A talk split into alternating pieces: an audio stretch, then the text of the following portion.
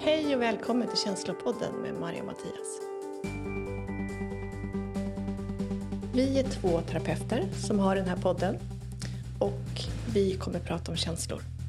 Vi kommer ge dig konkreta verktyg för att hantera dina känslor där du får en möjlighet att faktiskt börja bygga en nära relation till dig själv där dina känslor får vara en tillgång i ditt liv och vägleda dig vidare.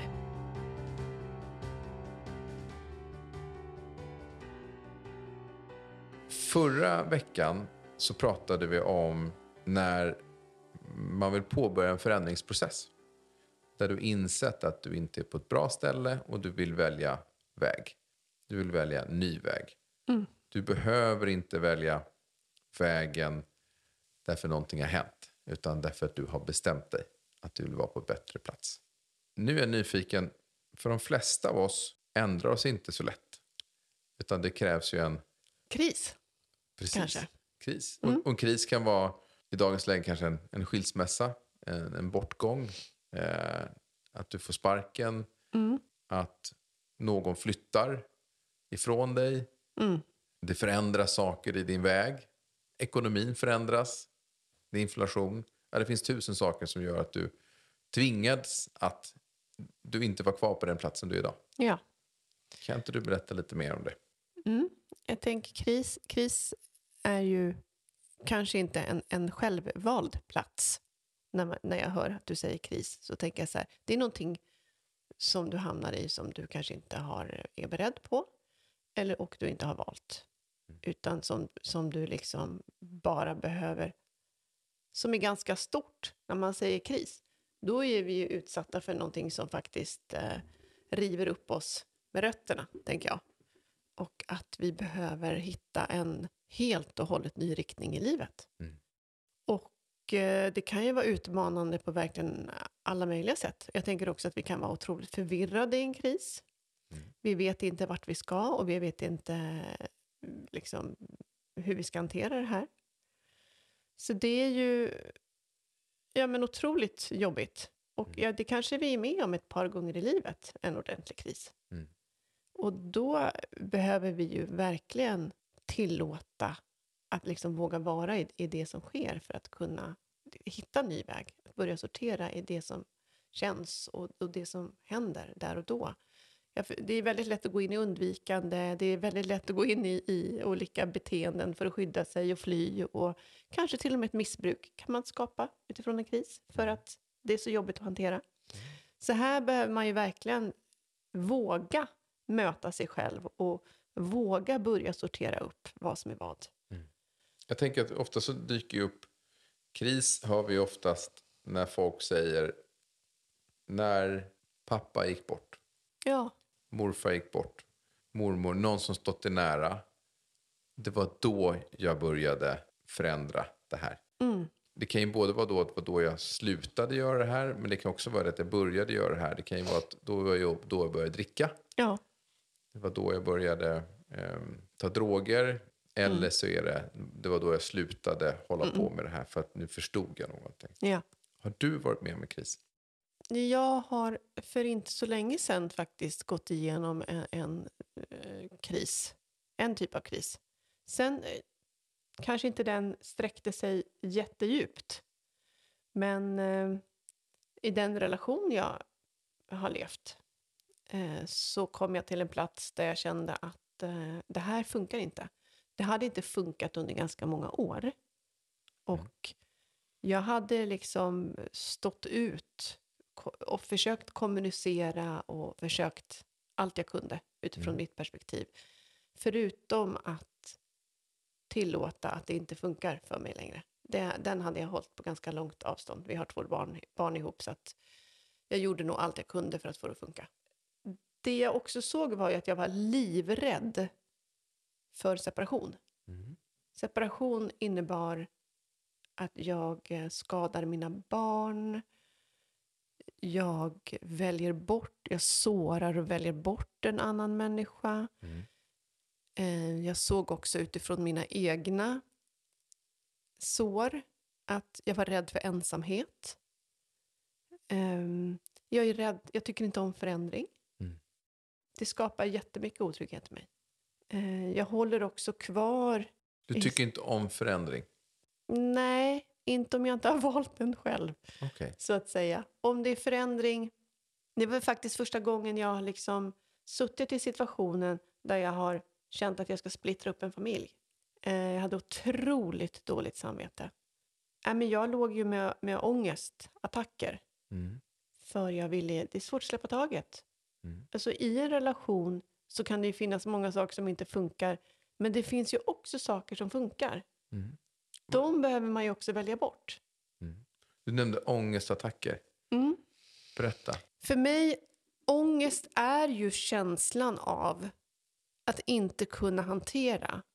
Och, och jag kände så här, den här situationen, att kliva in i en separation, det är så stort. Så jag vet inte hur jag ska hantera det här. Mm. Där kom ångesten krypande för mig. Att lägga en sån här situation i händerna på mina barn av Mm. att jag och deras pappa inte kanske ska bo ihop. Att jag kommer... svårt för mig att se mina barn i ögonen och säga att så här, nu ska vi separera, vi kommer bo på olika ställen. Jag kommer splittra upp ert liv. Hur Eh, känns det nu när du säger det här? Ehm, jag blir ledsen. För att för mig var det här som att verkligen dra mattan, dra bort mattan under mina fötter. Mm. Av att stå i en situation som är så motstridig. Av mina behov. Att också tillåta mina behov gå före mina barns behov. Mm.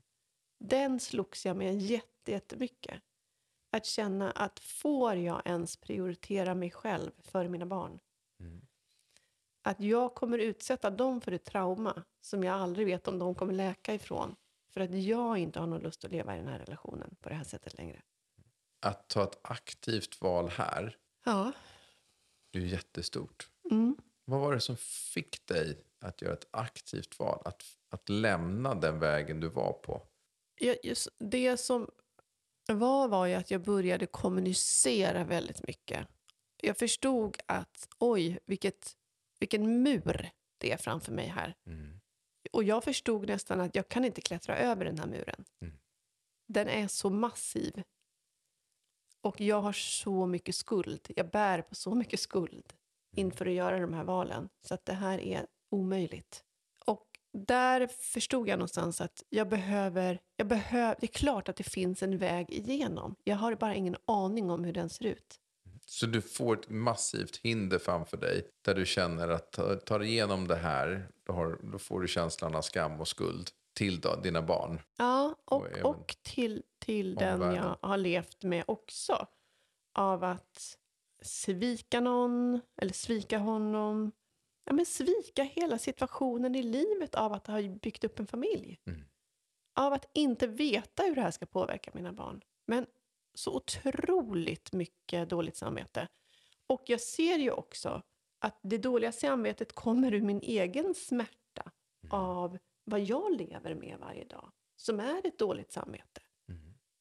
Det är ju jättelätt att jacka in där och skapa ännu mer dåligt samvete utifrån det dåliga samvete som redan finns. Har du utforskat var det där dåliga samvetet kommer ifrån? Mm. Jag tror vi har till och med pratat om det här i podden. Mm. Jag har ju sett att, att det kopplar ner till min barndom. De kraven jag ställde på mig själv som barn av att liksom fixa och finnas till för andras välmående. För att det var så, på det sättet jag kunde se till att jag fick en anknytning, trygghet. Och man kan aldrig lösa någon annans problematik. Nej, man kan inte ta ansvar Nej, man kan inte ta liv. ansvar. Utan, men det grävde sig in som ett dåligt samvete som jag sen har levt med. Så du har tagit det du hade, det här dåliga samvetet när du var liten. Och så har du insett att du har fört in, den personen har du fört in i din familj. Absolut. Jag har, jag har liksom adopterat in det dåliga samvetet gentemot mina barn. Så du flyttade in där. Mm. Men till skillnad från din barndom så försöker du kompensera att dina föräldrar inte såg dig. Till att du kompenserar att du gärna vill att dina barn ska känna att, att du ser dem. Jag vill ju ge dem allt. Jag vill ju att de ska känna sig sedda, lyssnade på, omhändertagna, viktiga, älskade i varenda stund. Det vill man ju. Ja, det vill man ju. Men inte på bekostnad av dig själv. Eller? Nu vill jag inte det. Men eh, när det dåliga samvetet är tillräckligt starkt, då har det varit på bekostnad av mig hela tiden. Så du vill hitta ett läge där du både kan ha, älska och eh, ha en god relation med dina barn. Men att du också har ett sunt förhållande till dig själv.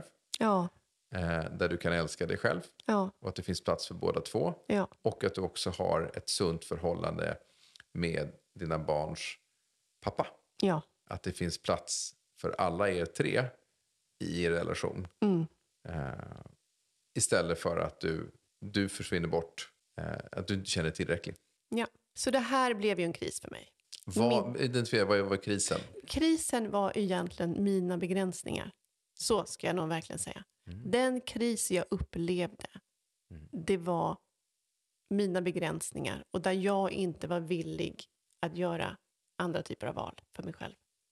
Där jag inte trodde att det fanns ett val att göra för mig.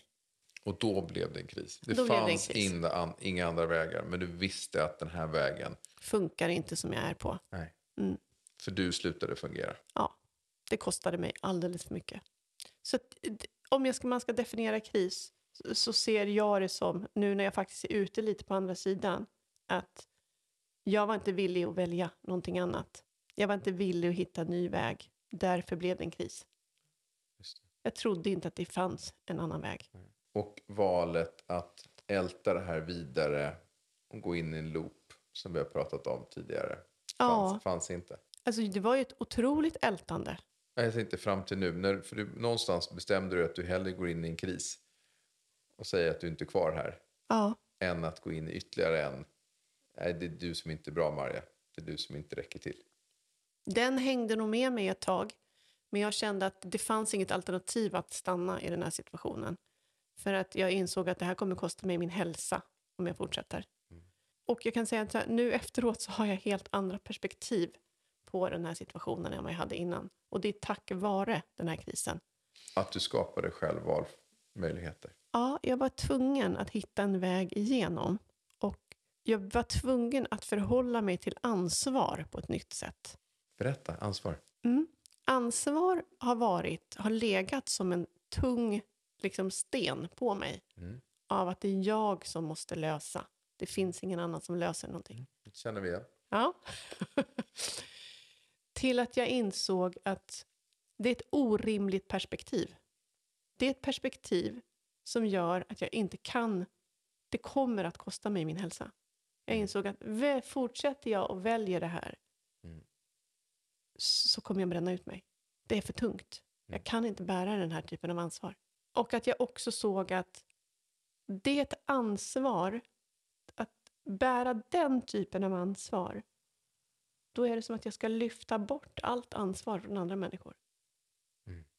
Jag ger dem inte ens en chans att få existera i mitt liv på Du- något sorts jämviktsätt. Nej, du väljer ju bort deras valfrihet Ja, genom att du gör på det här sättet. ja, Eh, Jag tror det du insåg också när vi har samtal pratat, att det är ju inte fair. nej, Det är ju väldigt oschysst, väldigt egoistiskt. Eh, att du behöver kontrollera allt Ja. runt omkring dig. ja, Och du inte ger dem möjlighet ja, att få välja själva. ja. För att du känner att du behöver ta deras ansvar.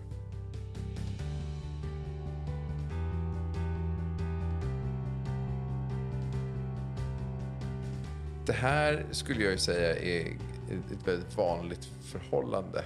Alltså det, här, det här är nog vanligare än vad vi tror. ja. Så om ni känner igen er i det här så får ni gärna skicka in frågeställningar eller tankar till oss på känslopodden gmail.com eh, där vi gärna tar emot andra frågor också eller några synpunkter eller ämnen ni vill att vi ska ta upp. För det här tror jag, ansvarsfrågan är någonting som vi behöver lyfta och diskutera lite mer. Vi tycker ju att vi har ett ansvar att sända den här podden Därför vi tycker att det finns en för liten debatt och en för liten kunskap om känslor. ja. Och att folk tycker att arbeta med känslor är så svårt. Och vi vill ju skapa valfrihet för er som lyssnar. Att ni kan se eh, och känna era känslor. Och känna igen er, ska jag säga. Så ni kanske liksom vågar öppna upp er.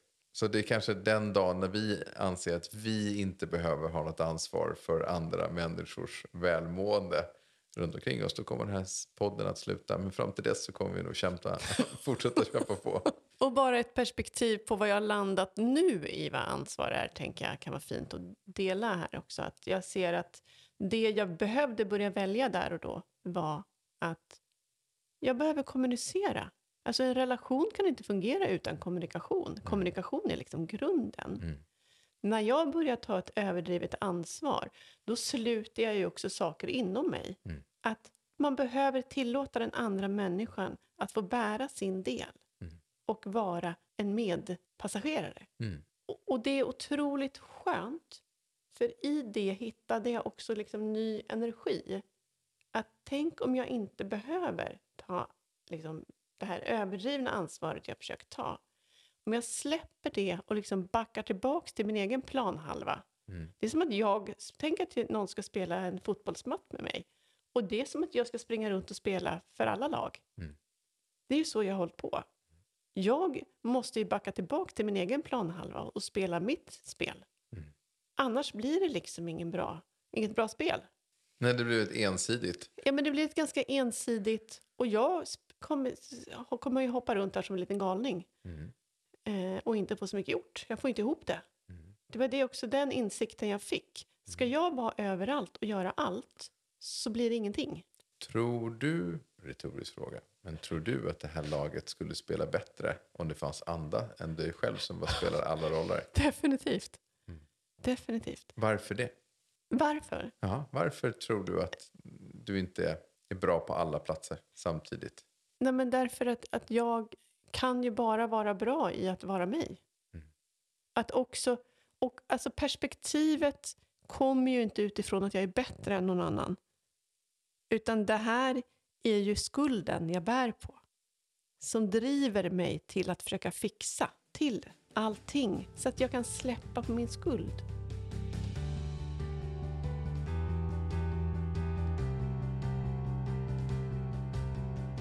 Men då har vi idag pratat om när man kommer till en kris. Krisen består av att du inte har några andra valmöjligheter. Nej, man har liksom ritat in sig i en ganska liten ruta. Ja. Det är där jag upplever att kris uppstår. Jag tror inte att det finns en väg framåt. Nej. Det är stopp. Och då kan det också vara att någon annan har försatt dig där i. Eh, vi säger nu, vi har ett krig som vi alla kan känna med. Att ens hem inte finns kvar. Då måste man ta tag från där man är. För att det man hade var inte okej. Eller det finns inte kvar. Lika väl som du säger att jag målat in med ett hörn. Och det finns ingen annanstans att ta mig. Ja, precis. Jag tänker så här. ehm, att var befinner sig i ett krig och blir av med sitt hem. Det, det kan ju för en person upplevas som en enorm kris. Så det är klart, krig är ju en fruktansvärd krissituation. För en annan kanske det inte alls är samma typ av kris. Så det här handlar ju om vilken relation vi har till oss själva. Hur, vilken möjlighet vi har att hantera saker. Och det är ju det som också blev tydligt i den här situationen för mig. Min egen relation till mig själv blev ju otroligt tydlig. Mina begränsningar i hur jag liksom har relationer till mig själv. Det är de jag fick syn på väldigt, väldigt mycket. Mm. Det är därför vi faktiskt kan använda oss av våra krissituationer till utveckling. Så att jag tänker så här, sitter du i en kris, se till att få hjälp. För du kan ju öppna väldigt många dörrar i en sån här situation. Istället, nej, men jag tänkte också istället för att skydda dig. Ja, För att jag tror att det är det andra sättet att man minskar sina valmöjligheter när man går in i en kris. För man går in i att tror att jag ska skydda mig själv och alla runt omkring. mm. Så då stänger jag ner alla möjligheter. ja, Och sen så tar jag första bästa väg. Eller den vägen jag är van att gå. Som Mm. kan vara rent av skadlig. ja, precis. Där kanske jag flyr in i, i liksom beroendebeteenden eller vad som helst för att skydda mig. För att smärtan blir för stor och ohanterbar. Då behöver man hjälp. Så egentligen hamnar du i en kris. Försök skapa valfrihet. Skapa möjligheter. Försök lyssna in vad du behöver och förstå att, att du behöver någon faktiskt som, som bidrar med andra perspektiv och vinklar.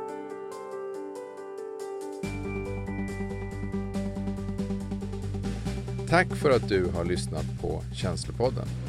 Vill du komma i kontakt med oss, mejla på känslopodden gmail.com.